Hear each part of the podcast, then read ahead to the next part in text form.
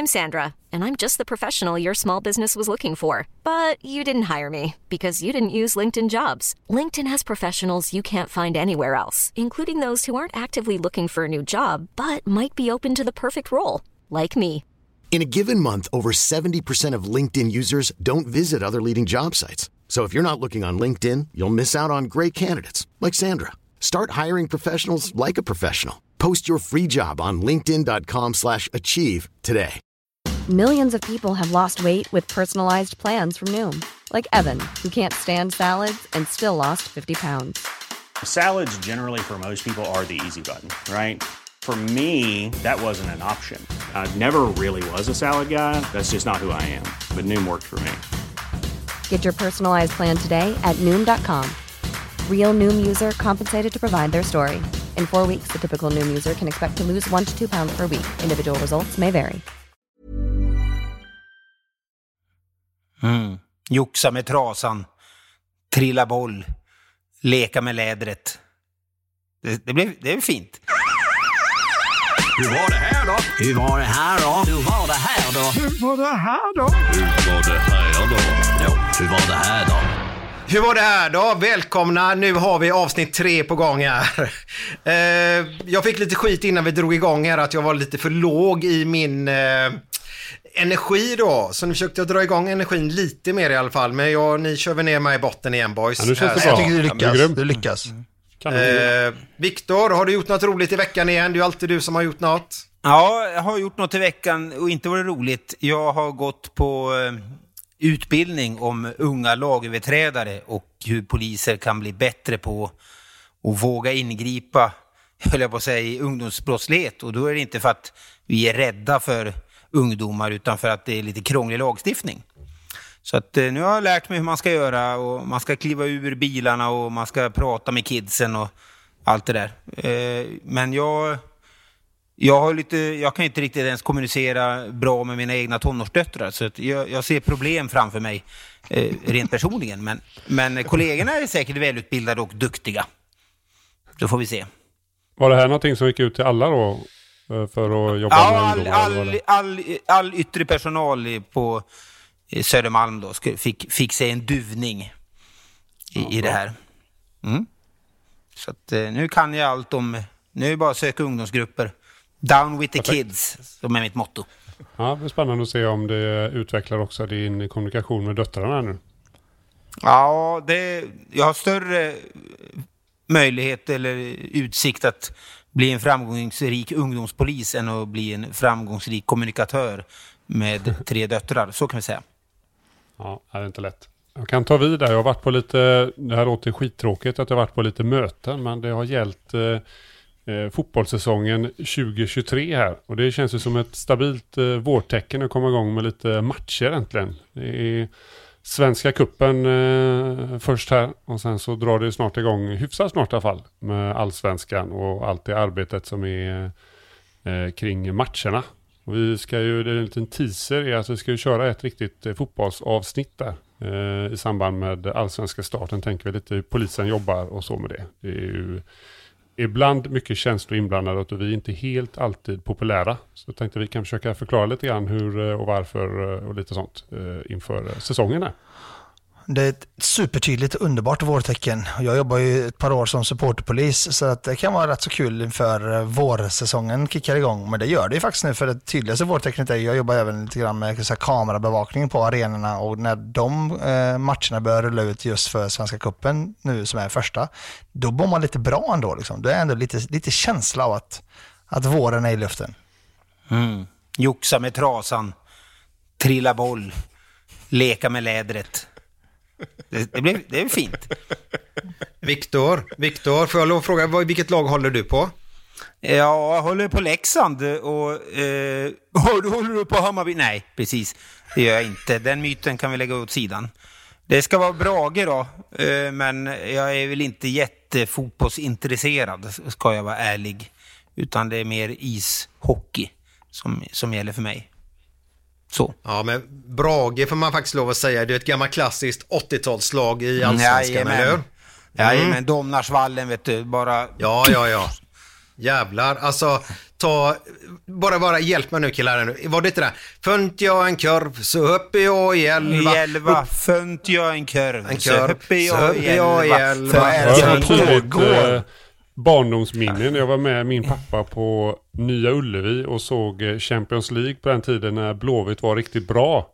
Då var det svinlånga Jesper köer Blomqvist utanför. va? Ja, svinlånga köer utanför Nya Ullevi. Och så var det någon riktigt bitter göteborgare som tyckte att nu kom bara de här framgångssupportrarna när det var Champions League. Så ropade han där Vad var ni när Blåvitt mötte Brage? Så tyckte han att det var för dåligt att det inte var lite uppslutning på de här eh, gamla lunkenmatcherna. Det- jag var och tittade en gång på mitten av 80-talet som liten grabb när Falu BS, ett, ännu ett Dalalag som inte fullt så framgångsrikt ens var Brage. Då mötte de eh, Blåvitt i, där på Kopparvallen och så kom Torbjörn Nilsson spelande och så hävdade de att han liksom dribblade, stannade upp och, och ropade till målsen Titta det brinner! Var vid målsen vände sig om och glodde och så rullade han in bollen i mål. Jag vet inte. Det kan mycket väl stämma men ja, det kan även vara en, en skröna. Alltså hör ni också hur Erik Niva darrar nu av konkurrensen för When We Ja. Were Kings och Fotbollspodden? Ja, vi kan, vi kan liksom allt. Ja, det är mångfacetterat. Ja, men de var bra. Jag, jag gillar Brage faktiskt. Så det, det är härligt. Jag, jag gillar faktiskt, om man tar Degerfors nu, jag älskar när det är lite, lite Bryx, bryx, vad heter det, Bryx, brukslag va? Jag, nu ska ju inte vi spoila allt vi skulle prata om här i, i avsnitt Joxa med trasan. Då, då går vi vidare till dagens lyssnarfråga då. Dagens lyssnarfråga är från Daniel Bergqvist. Jag tror Daniel bor i Mölndal, men vi får se. Vi får se. Du får gärna skriva Daniel på våran eh, Instagram som är vad då Nadim? Hur var det här då? Så är det. Eh, Men här kommer frågan. Hallå gubbar! Jag undrar över hur poliser upplever vad folk i allmänheten tycker om dem. Om er då. När jag hör folk säga fuck Anja, Anja, Anja, Aina. Fan vad svårt det var idag då. Vad är klockan? Halv tio bara. Eh, ser klipp i sociala medier vara respektlösa mot poliser så skär det i mitt hjärta varje gång eftersom jag eh, eh, för mig då helt enkelt är poliser verkligen superhjältar. Är det mest kärlek eller mest hat som ni får som poliser? Eh, berätta gärna om era egna upplevelser. Mycket vänliga hälsningar Daniel. Ja, men vi kan väl eh, lugna Daniel med att eh, vi de senaste åren har fått, eller får, väldigt mycket cred för det arbete som vi utför.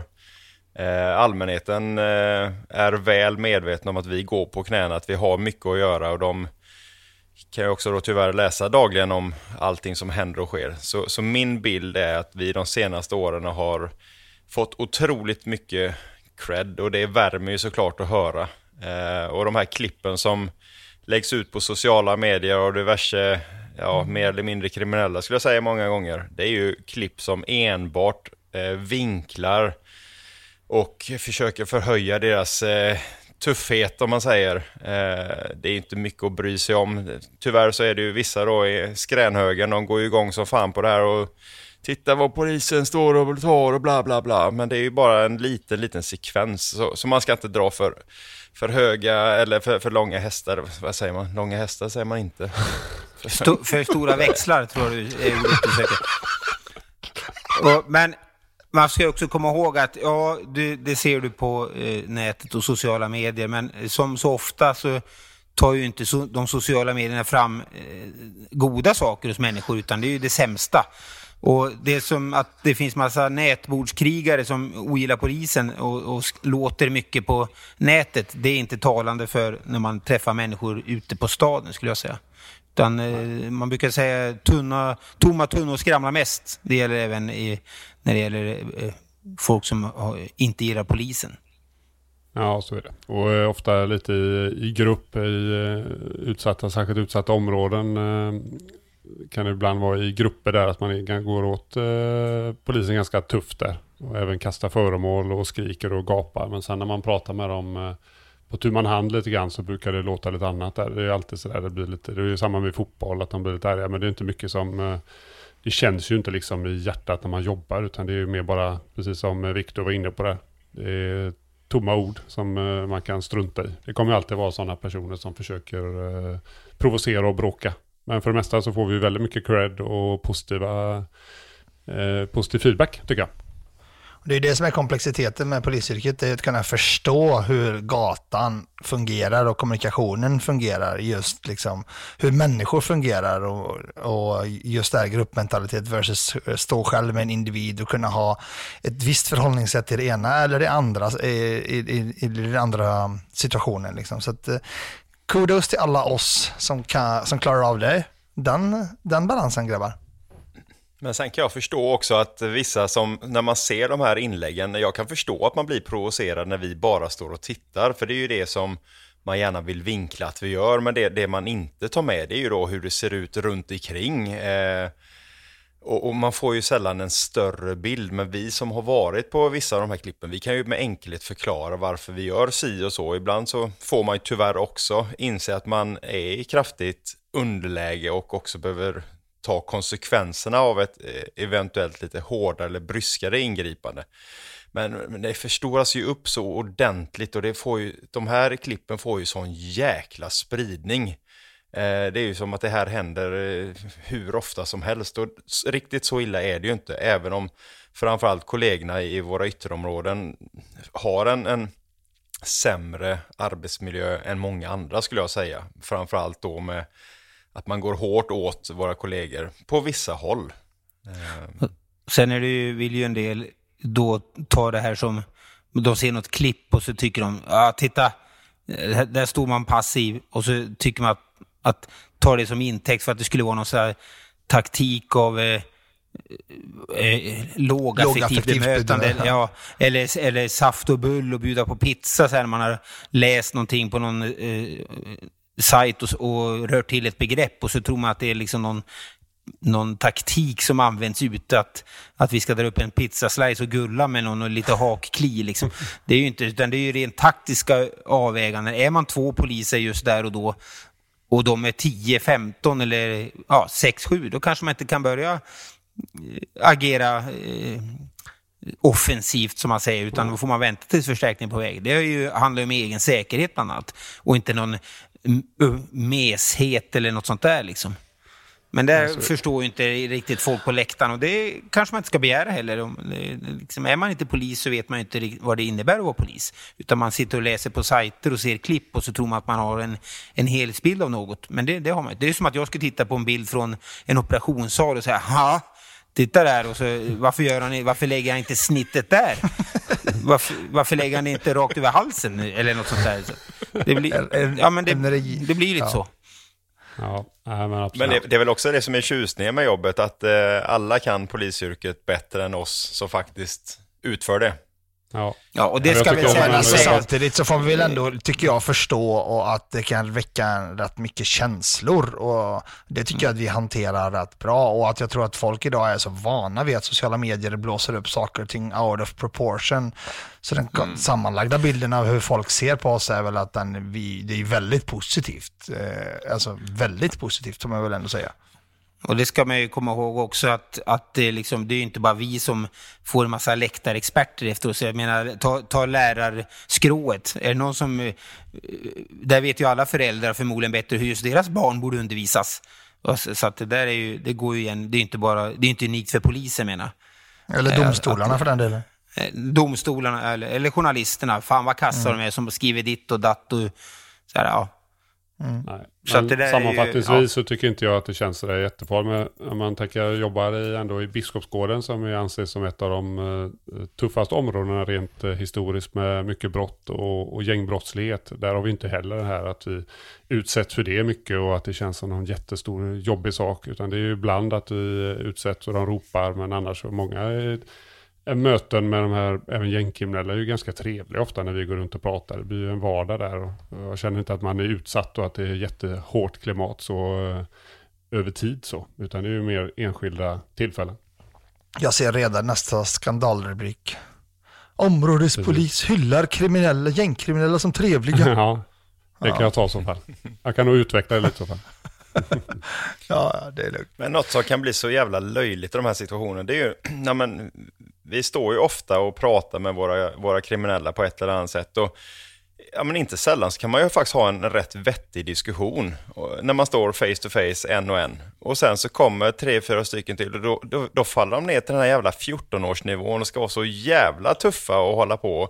Och det, jag, jag blir så här, ja, men hur, hur orkar man vara sån? Liksom, hur, hur, vad fan, någon gång måste man ju liksom växa upp, även om man är så här 25 år. Ja, men Peppe, Nej, du vet ju- nej. Alltså, Ja, men, vad men, fan? men, men, men Peppe, alltså, det, han, Ja. han, har ju, alltså han har ju sin... Jag menar han träffar dig i typ tre minuter. Alla andra 24 timmar lever han ju med de andra killarna. Ja, men jag kan bara liksom, eh, de, de står där liksom och, och garvar åt sig själva. Så bara, tänk, tänk om man skulle spela in där och sen tio år senare, så här höll ni på när ni var 25 år. Men Ja, nu, fan. försöker du med sånt där sunt förnuft och det kommer inte funka där för de kommer inte bry sig. De här personerna som är så, eh, som inte ändrar sig. Det finns ju några sådana som är, liksom, man tycker, man kan nästan skratta åt det när man ses. Fan, liksom, du har suttit på samma bänk här och betett dig likadant och, mot oss i 15 år. Ska du inte sluta någon gång? Men det gör de inte utan de, eh, det är på något sätt de har fastnat i det där. Men Daniel kan i alla fall, hans hjärta behöver inte brista för mycket i alla fall utan eh, ni får Nej. bra feedback där ute eller? Det är fint att han eh, bryr sig. Jag tycker mestadels så är det ju, det är ju roligt. Ju- älskar ju vårt jobb. Och det är ju roligt att vara Ja. ute och prata med människor, både busarna och eh, allmänheten tycker jag. Det är berikande på lite olika sätt. Bra, så nu vet du det Daniel. Eh, Du kan vara lite lugn. Verkligheten är inte nätet då helt enkelt. Men sen är Nej, det inte så väldigt tråkigt för oss vanliga, vanliga människor att se det för, det, för det, det berör gör det. Men vi går vidare. Vi ska, vi ska prata no-go-zoner. Vad tycker ni om no-go-zoner? Vad menar du när du säger några- no-go zone? Några sådana... Jag skulle, jag skulle, vilja- no goes. jag skulle vilja säga att några sådana finns inte ens. Ja, men vi kan väl... Det finns inga polisiära no-go-zoner. Men vi måste ändå säga att det finns no-go-zoner på så sätt att vi har eh, brevbärare som får skyddsstopp. Vi har p-vakter som får skyddsstopp.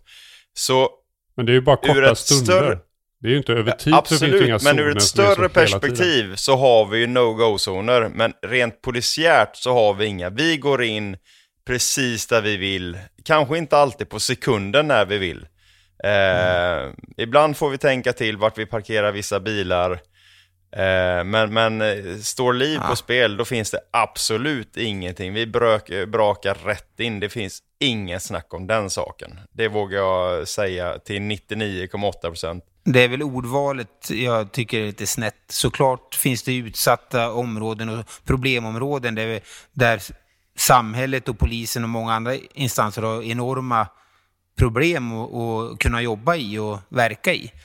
Men eh, no-go tycker jag skräller fel. Men jag kanske bara hakar upp mig på detaljer. Nej, men det är just det, det är precis som du säger. Där man använder det uttrycket som är mer eh, härstammar från eh, krigsområden. Det är ju bara för att man vill uppnå någonting och man vill skapa en poäng för någonting och måla upp Exakt. någonting som värre än vad det är för, för sin egna vinnings skull. Det finns ju inga... Det, Alltså Avenyn, eh, som som jag nämnt tidigare, Avenyn när det är jättestökigt på en eh, viss eh, plats eller vid en fotbollsmatch när det är jättestökigt, då är det en form av no-go-zon en liten stund tills ordningen är återställd, precis som det är i Biskopsgården. Om det kastas sten eller i Örebro i påskas när det kastas sten så är det en zon som vi inte kan jobba mm på ett korrekt sätt under en viss period. Men över tid så, så kan vi jobba överallt. Och det är lugnt. Om man går i Biskopsgården en vanlig dag eller kväll så är det ju superlugnt. Och människor gör det, alla människor gör det i alla områden. Går och handlar och går till skolan och allt vad det är. Så det finns ju inga sådana zoner som hela tiden är omöjliga för oss att jobba i.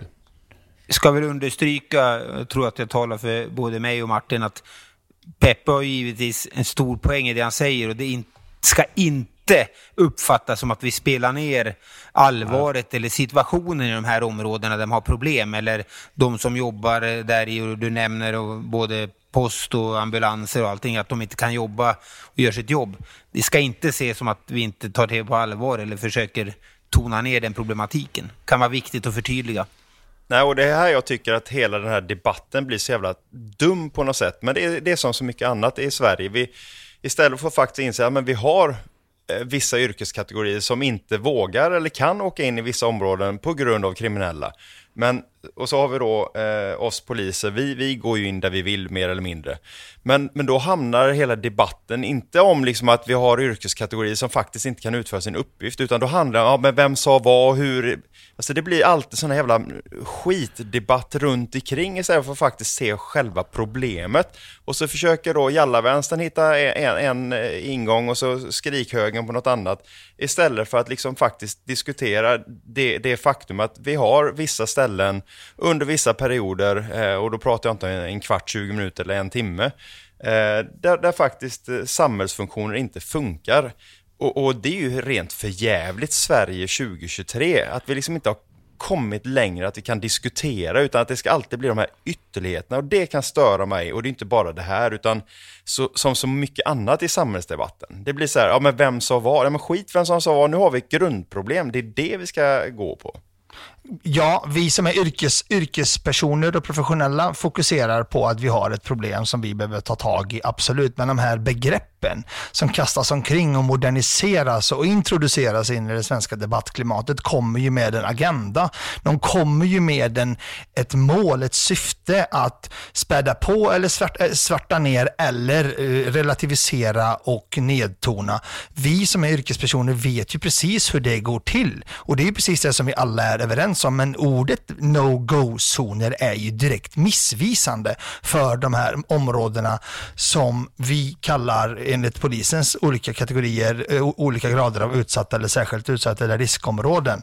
Det är ju det, det är de begreppen som är mer eh, mer korrekta för att de begreppen ligger också ett gediget jobb bakom framtagandet av det jobbet. Där en fråga som ställs till arbetsgruppen av massor med poliser är just kan polisen utföra sitt jobb utan problem? Kan kommunala verksamheter fungera utan, sitt, utan problem? Och då finns det graderingar på den skalan. Men no-go-zoner kastar ju liksom alla de här människorna ut, eller områdena ut över värsta, värsta stupet. Och det är, då, det är nyanserna som saknas i svensk debatt och jag tycker mig att det, det, höra det du säger Peppe. Men begreppen blir väldigt, väldigt laddade och påverkar. Jo, absolut. Och det, du, du, det, det som jag vill försöka eftersöka, det är precis det du säger. Men, men ta de här som bor i de här områdena, som inte får sin post eh, levererad, som, som inte får sin ambulans eh, framkörd. Eh, in, ja, nu är det ju förvisso sällan ambulansen inte, men, ja, men ni förstår vad jag menar. Och, jag kan sakna det i debatten. Sen så ja, jag håller ju med dig Nadde, det är klart att, att det finns alltid en agenda bakom vissa saker. Ehm, och det, det stör mig, det stör mig något fruktansvärt. Och det, jag tycker det, det blir farligt om man pratar om no-go-zoner så, så sprider det sig. För vi har haft tillfällen när till och med ambulans och SOS tror att en, en, ett område är en no-go-zon och får för sig att de måste kontakta polis innan de kör in i området oavsett lägesbild, oavsett hur det är för stunden. Där har vi haft i Backa för några år sedan en ambulans som inte åkte fram och det blev kommunikationsmiss och polisen hade ingen att skicka och till slut så var det en person som avled för han fick inte ambulans tillräckligt snabbt och det fanns inget område just då som var så stökigt så att det skulle föranleda att polisen måste åka med. Så det, det blir farligt när man börjar måla upp sådana här scenarion och eh, när man har en helt felaktig lägesbild mot hur det egentligen är. Så där måste man ju vara mycket bredare och djupare och ha en riktig analys innan man börjar häva ut sig sådär. Det är därför det är bättre att vi har de här eh, som eh, Nadim var inne på med utsatta riskområden och särskilt utsatta där. Och de är lite mer eh, nyanserade. Det är inte över tid att det alltid är farligt att åka in utan det finns olika problematik på olika sätt. Exakt. Ska vi gå in på lite grann hur vi jobbar, hur polisen, eller om, om vi är färdiga med uh, no-go-zoner, kanske vi kan gå in och prata lite grann kring hur polisen jobbar med framtagandet av den, uh, de områdena, eller vad tycker ni? Kör på. Men jag tänker, det är varannat år så kommer det nya klassificeringar av de här olika graderna av utsatta och särskilt utsatta områden och riskområden. Och i det jobbet som jag tror alla här involveras i på olika sätt, eh, hålls ihop i de olika lokalpolisområdena oftast av kommunpoliserna, men det är alla ma- himla massa poliser som är delaktiga och det är ju ett gediget frågebatteri. Vi ägnar ju en hel vecka, eh, 40 timmar med, eh, vi är 15 poliser med olika, olika kunskap från olika grupper som sitter och svarar på det här frågebatteriet där bland annat vissa av de här frågorna är just hur polisen kan utföra sitt arbete och så vidare, hur mycket skadegörelse man har, hur mycket inbrott man har, hur mycket öppen narkotikahandel, ja det är hur mycket frågor som helst. Och sen så liksom och sen är det kartarbete och det är strategisk lägesbild och livsvillkorskartor. Alltså det är väldigt avancerat. Det är ett avancerat arbete liksom. Och sen så skriver man ihop det i ett ganska stort områdesdokument per område och det är det som är det tyngsta jag gör bland annat i mitt arbete. Det är liksom en, känns som en akademisk avhandling ibland liksom, som jag inte alls är utbildad för som sen då skickas upp till NOA för bedömning. Och, och jag vet inte om ni har tänkt på det, men första gången de här områdena kom, eh, om det var sex år sedan kanske, då var det ganska stort. Det var ett stort pressuppbåd, det var NOA, Precis. det var liksom hö- Ja, cheferna. väl de pekade ut 15-16 där eh, omorganisationen ungefär runt där tror jag. Ja, precis. Och sen, jag vet inte om ni har reagerat på det, men jag har verkligen tänkt på det, så jag som har jobbat med det i tre omgångar nu, är att det har blivit väldigt mycket mindre min, det är ganska nedtonat i presentationen. Jag menar, förra gången det kom, det var ju typ en pressrelease i princip. Och det blev inte alls särskilt stor uppståndelse. Och det ska jag säga bara innan jag lämnar över ordet, det tycker jag personligen är positivt. För att även om jag står bakom till 150% det jobbet som görs och klassificeringarna är bra, för de pekar på problem, så kommer de klassificeringarna av de här områdena med en stigmatisering av områdena också, som också påverkar människorna där. Därför tycker jag att det är bra att vi sköter detta på det här sättet eh, lite mer än att vi gjorde det mycket, mycket större tidigare. Så att det blir en korrekt kommunikation, ett bra arbete, men också med, med en ökad respekt för människorna som lever under den här påverkan egentligen. Tack för mig. Jag, jag tänker också eh, lite nedslående att numera händer det så mycket annat som skapar rubriker, inte vilket område som hamnar på vilken lista utan, och vad det kallas, utan nu är det verklig, vad ska man säga, verkliga händelser som sker där som skapar rubrikerna i områdena. Så att Mm. eh, det är ett mindre problem för dem att om man är uppförd på den här listan eller inte. Är man det så, så märker man förmodligen det när man bor där också. Och det kan jag tycka är lite, dy- lite dystert. Och det är ju ett ämne som har varit uppe för diskussion. Eh, Blir det en för eller nackdel att klassificera vissa områden som särskilt utsatta eller utsatta och vad det kan föra med sig? Och det är också lite intressant. Ja, Jag är av den fasta övertygelsen att jag, ty jag tycker det är jättebra. Jag tycker det Ja, för det är bra på grund av, inte själva klassificeringen, utan kunskapen som inhämtas i arbetet med klassificeringen. Det ger en jättebra lägesbild kring vad vi måste jobba med. Men i vissa områden har vi extrema komplexa situationer. I vissa områden har vi i princip bara narkotikahandel. I andra områden har vi eh, parallella samhällen. Vi har, vi har eh, egna rättegångar, vi har släktbaserade, vi har, alltså vi har många olika delar. Men i ett annat område så kanske vi bara har en del. Så det, det pekar på hur polisen ska jobba i de här områdena. Eller hur Martin?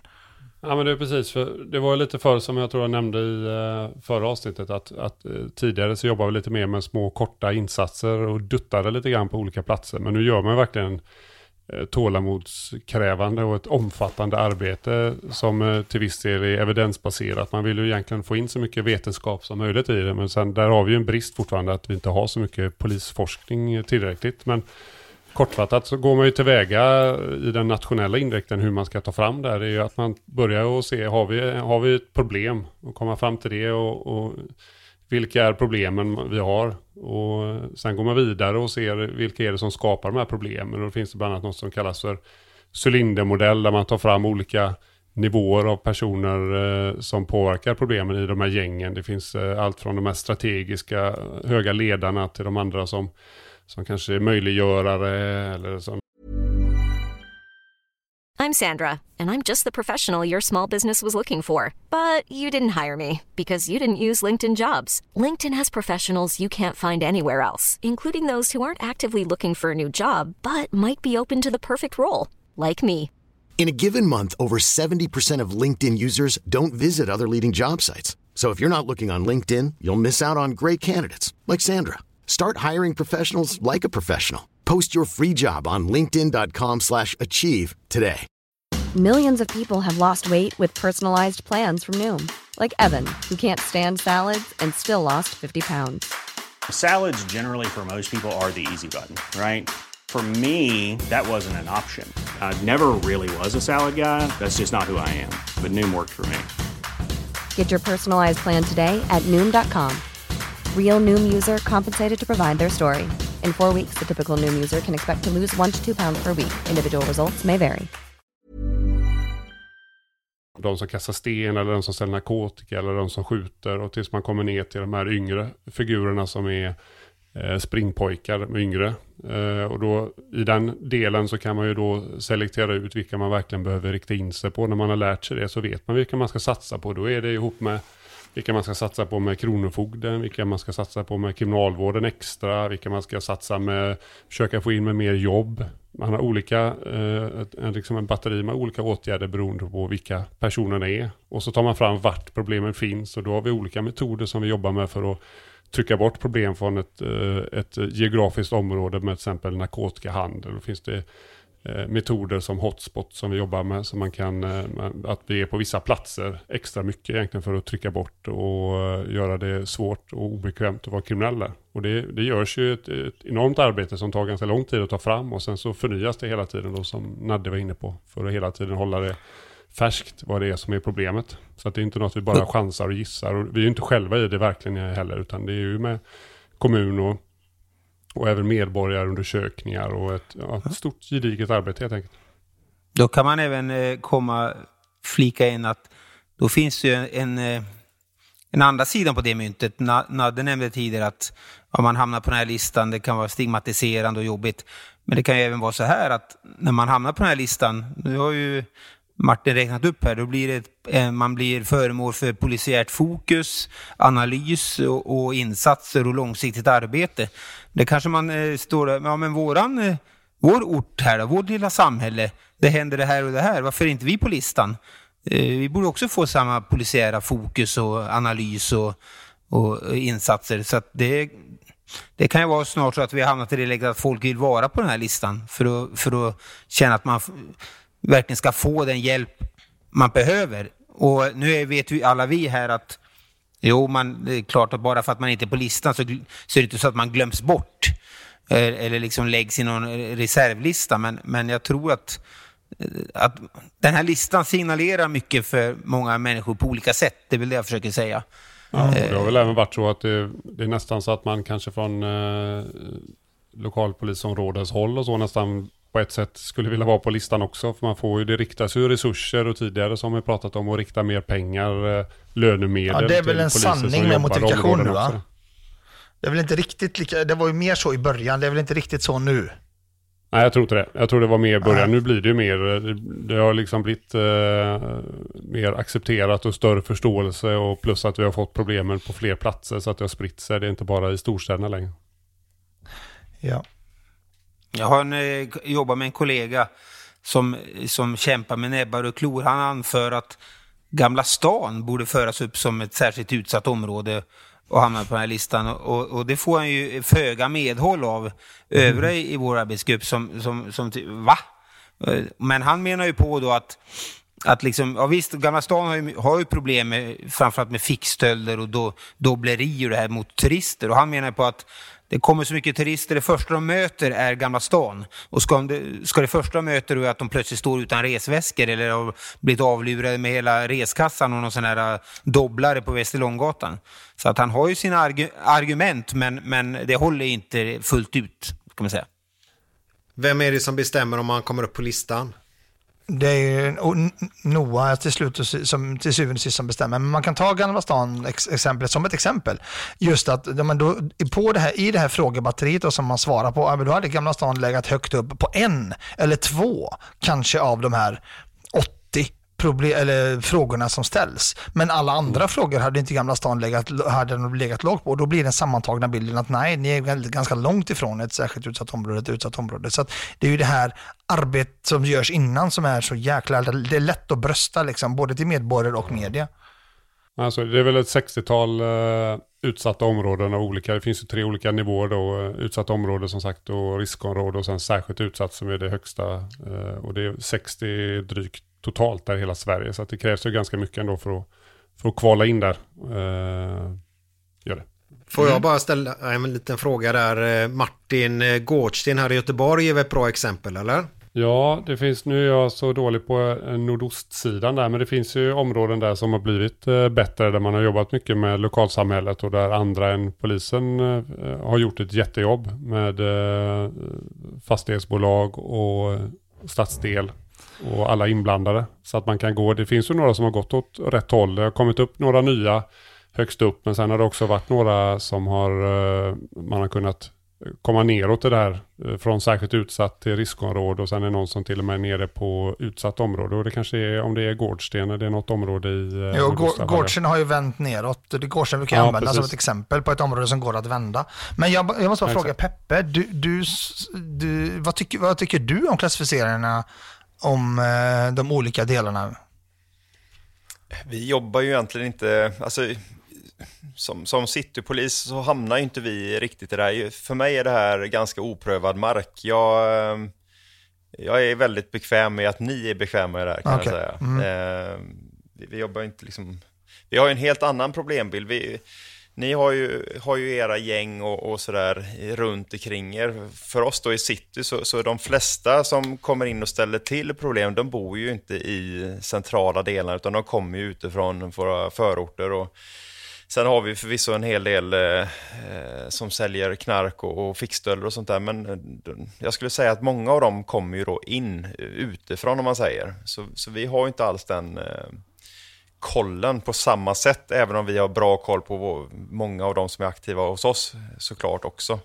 Men vi Mm. jobbar ju inte kanske då på samma sätt riktigt. Eh, Så det skiljer sig en del skulle jag säga. Mm, ja, ibland känns det som det är två olika jobb att jobba i city och jobba i ytterområdena lite grann. Det blir ju, blir på helt andra sätt. Eh, andra problem och andra utmaningar ibland. Ja, men det, visst är det så. Det, jag, kan, jag kan sakna det ibland, att inte ha den här...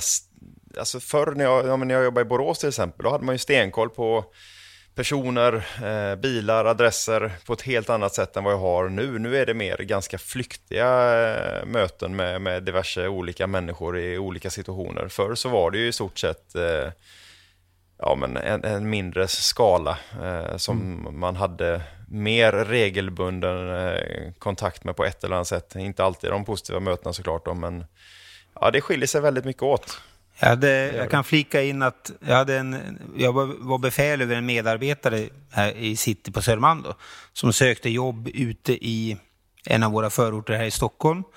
Och han fick jobbet, men då sa de på intervjun att ja, vi brukar inte alltid anställa er från city. Och det är inte för att ni är sämre eller eh, poliser eller okunniga, men han sa att ni är, ju- ni är vana att jobba lite på ett annat sätt. Inne i stan, om det händer någonting, då trycker du på en knapp och då är, det, då är det tio polisbilar som kommer. Här ute trycker de på en knapp och så är det tio, polisbi- eller tio busbilar som kommer till deras undsättning. Så det, är- det är lite skillnad att jobba under de premisserna. I de här zonerna som ni håller på att jobba i Boys där då, vad, eh, har alla ni vet du, kroppskameror på er eller hur funkar det? Nej, för jag, nu jobbar inte jag i en sån område så jag kanske inte ska börja svara. Eh, Men jag, eh, jag kan säga att eh, där jag jobbar är kroppskamerorna på väg. De står och glänser ännu på stationen men har inte riktigt kommit till drift än för det saknas en utbildningsinsats till personalen om hur de här ska hanteras och brukas. Men sen kommer de. Och ni har inga alls nu då? Ni har inte haft de gamla sorten heller nu då? Jo, jo, förlåt. Vi har, några enskilda har de här gamla, det stämmer. Men, men Ja. det är ju mer, det är väldigt utspritt och är ju bara några få. Just nu står de liksom, nu stå, ser man att det står hundratalet liksom och ska, ut, ska delas ut. Ja, just det. Ja, vi har haft, vi började för ganska många år sedan. Då började vi med eh, liksom, lokalpolisområdet, köpte in lite själva med eh, GoPro-kameror som vi hade och köpte in eh, bäranordningar och grejer till det. Och sen så gick det över för några år sedan. Då var det ett projekt med det här kameraprojektet. Då har vi ju mer en, amerikansk kamera tror jag det är, eh, som är eh, lite mer inne i våra system. Så man, eh, när man använder den, man trycker på en knapp så startar den och sen så när man är färdig på passet så ställer vi den i ett ställ och så laddar den upp. Det är en central server så man kan liksom inte påverka eller göra någonting själv med materialet. Och sen nu så kommer de kamerorna ut som de som Viktor pratar om. Det är nästa generations kameror som vi ska börja använda snart. Våran har nog inte kommit till station däremot. Så att vi får, Södermalm kanske går först där. Går i bräschen. Eh, så, Ni som har jobbat med kameror under ett par år, eh, vad skulle ni säga är för respektive nackdelar där? Det är ju eh, en jättestor fördel är om man, man är med om en händelse så är det väldigt svårt. Annars i vanliga fall så ska man ju försöka skriva ner sen i ett PM eller vittna om vad som har hänt, att den personen sa exakt så här. Och får man frågor från advokater, var det verkligen den, det ordet han använde och liknande. Och nu har man det på, på film. Och man får även eh, hur folk ser ut. Och det ger också en lugnande effekt när vi har ju dem fram på bröstet. Så att busarna ser ju att vi har kameror. Och det blir ju en, dämpande effekt också. Att de inte vill göra brott precis framför när de vet att det blir så bra bevisning. Där. Men märker ni en stor skillnad där Martin, eh, just eh, alla de här hoten som ja, men både direkta och indirekta och sådär. Ser ni och märker ni att det har minskat eller eh, ligger det fortsatt stabilt som det har varit sedan tidigare?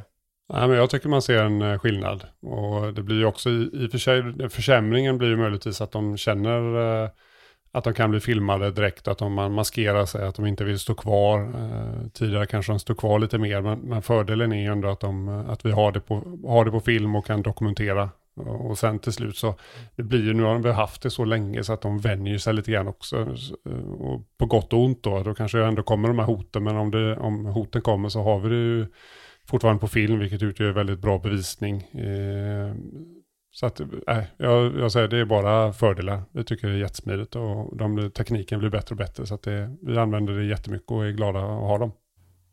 Diskussionen har ju blivit, när den har blivit lite sned i, om de här nya kamerorna så är det när man har fastnat i att, att en del eh, personer som drivs av lite misstro mot eh, polisen generellt och hur vi hanterar det har ju uppfattningen att de här kamerorna ska inte polisen kunna styra när de är av eller på, utan de ska liksom gå igång och så ska de rulla konstant. Men det inser ju de flesta att det är helt orimligt. Ingen människa vill ju gå, i, gå med mig in på dass så att säga när, när jag filmar när jag ska gå och grädda ur mig eller något. Och, och li, Ja, men, och, eller, eller liksom, vi pratar ju med, om man ska vara lite seriös, vi pratar med massvis med människor varje dag som inte är utsatta för något, för liksom polisingripande eller misstänkta eller så, som berättar saker för oss som inte någon annan har att göra med. Det är klart att ja, inte sånt ska filmas.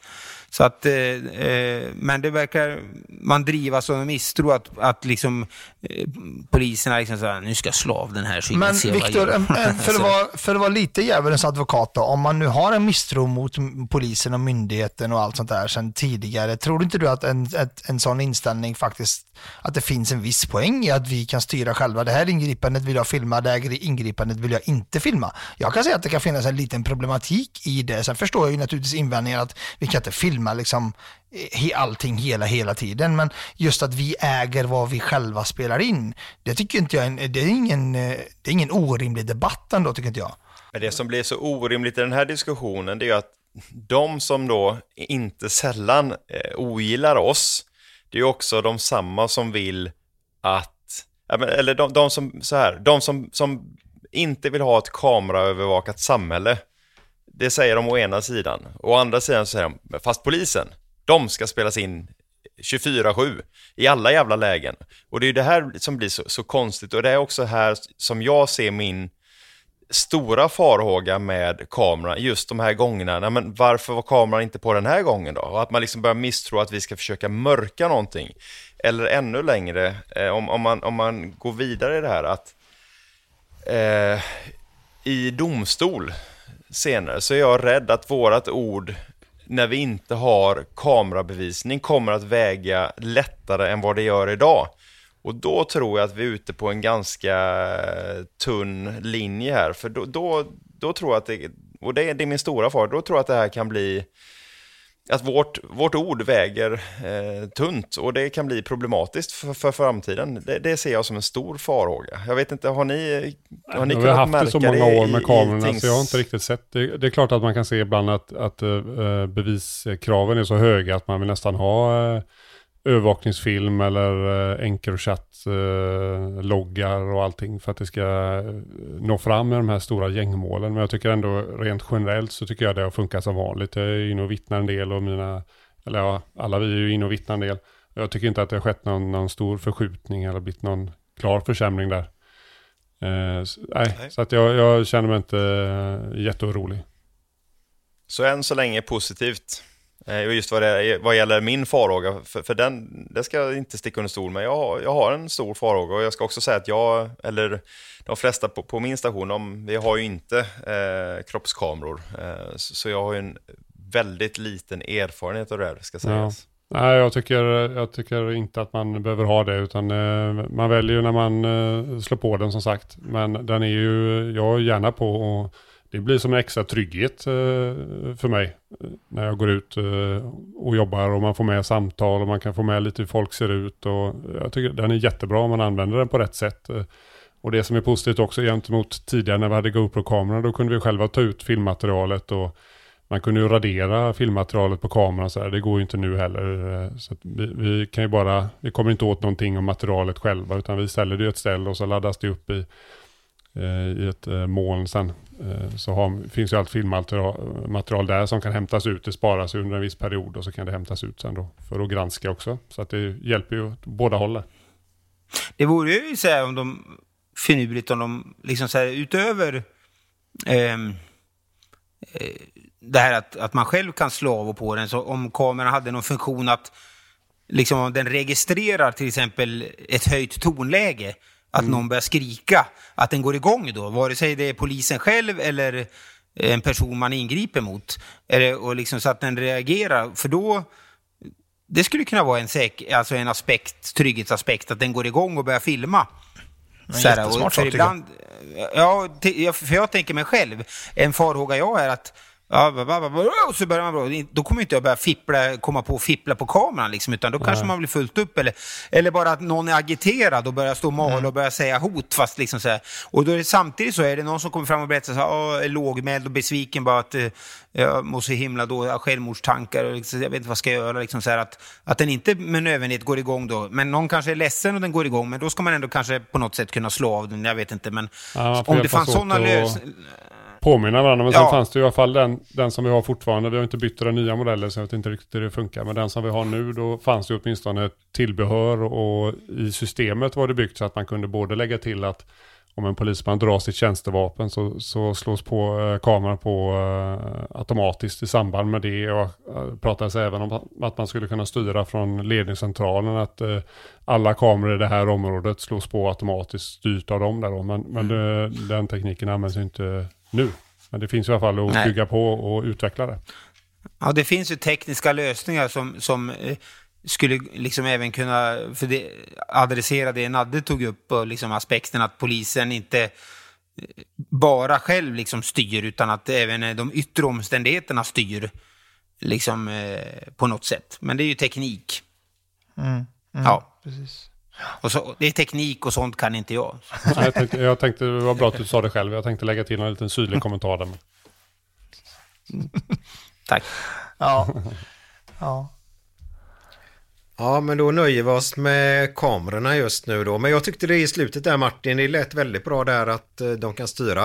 Eh, fast de använder inte den tekniken just nu då. Men eh, Inte jag vet det blir väl något bra i framtiden. Ja, det tror jag. Um, sammantaget så tycker jag, jag har hört det ryktet från City innan också, att det finns lite oro där inne från eh, med kamerorna. Men eh, det tycker jag, nu ska sluta ha oro helt enkelt. För att vi som använder dem hela tiden eh, är väldigt nöjda och tycker att det är ett otroligt bra verktyg som hjälper oss på massa olika sätt.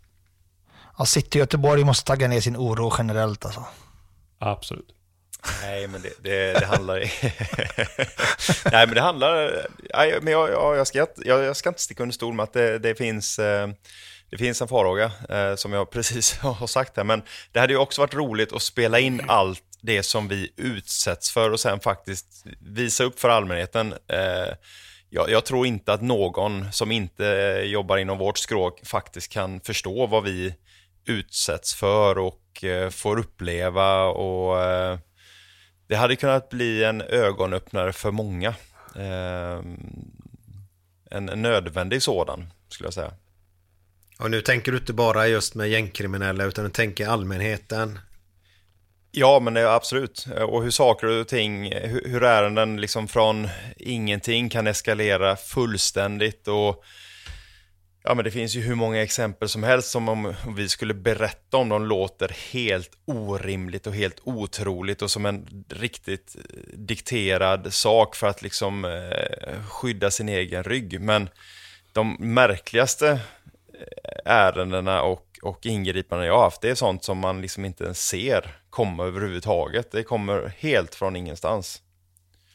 Eh, och, och det, det, hade varit intressant att få visa upp den delen av yrket. För som sagt, jag, det är svårt att försöka eh, föreställa sig det.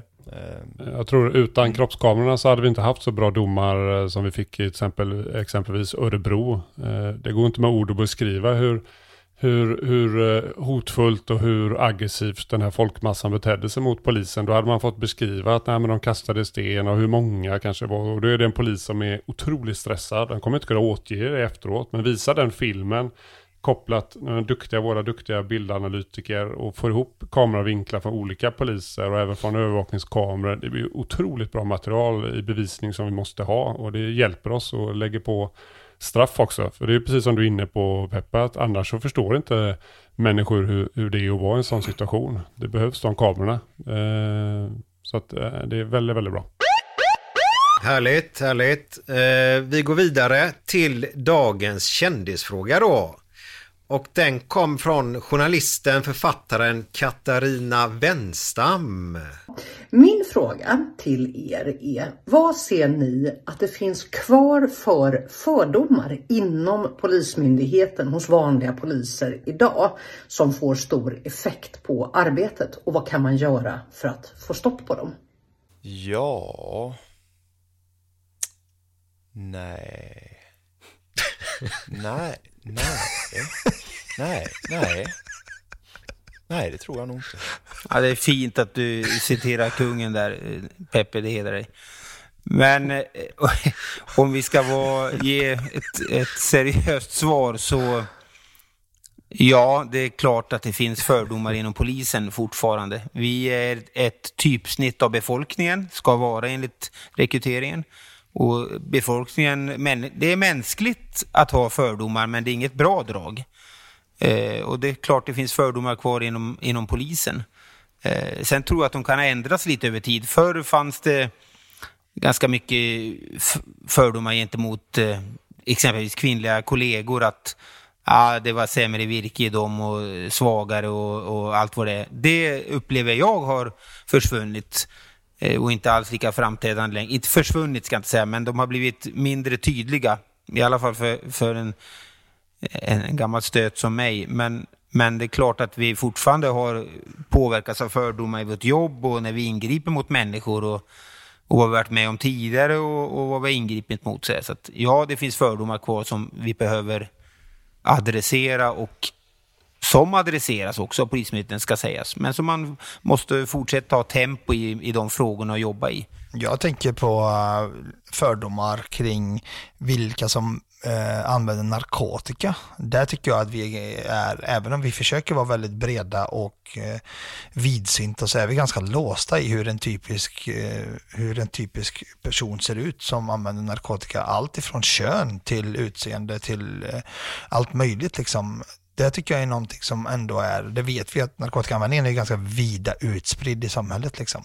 Och ändå så tycker inte jag att vi är riktigt med och det, tycker jag, det tror jag ändå påverkar väldigt många, eh, väldigt många människor kring hur man blir bedömd utifrån sin misstanke om narkotikabruk. Det baseras ju bara på okunskap. Det gäller ju andra områden som, som vi utsätts för inom polisen. Det kan vara som vi pratade om innan med fotbollssupportrar.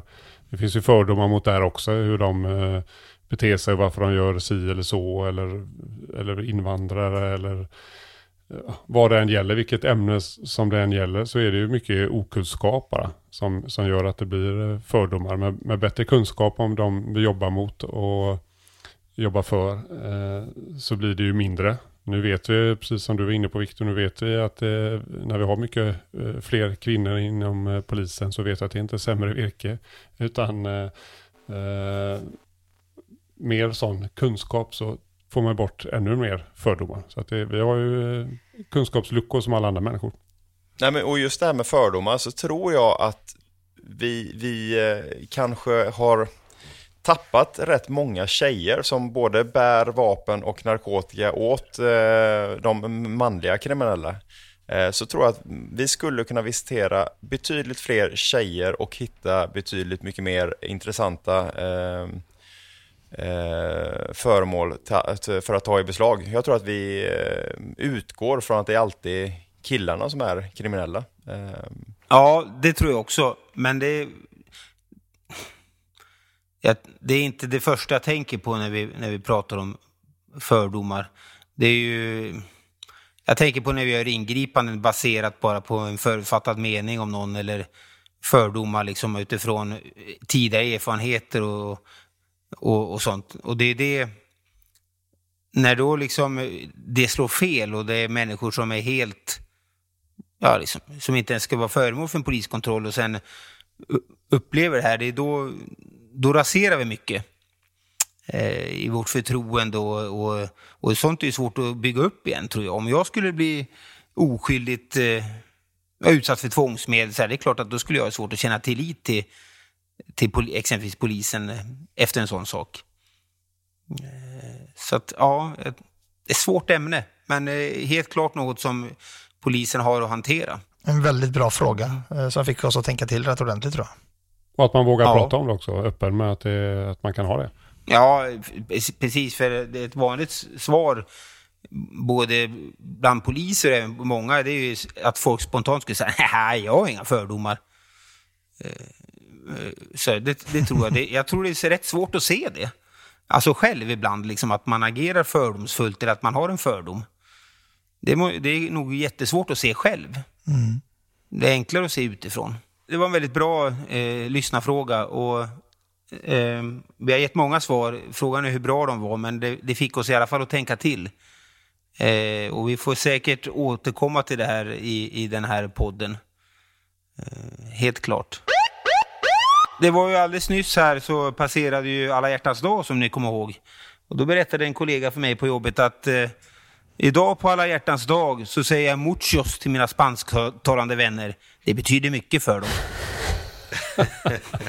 Hej då, hej då, hej då. Hej då. Hej då. Hej då. Hej, hej. Hey. Let's be careful out Jo, hur var det här då?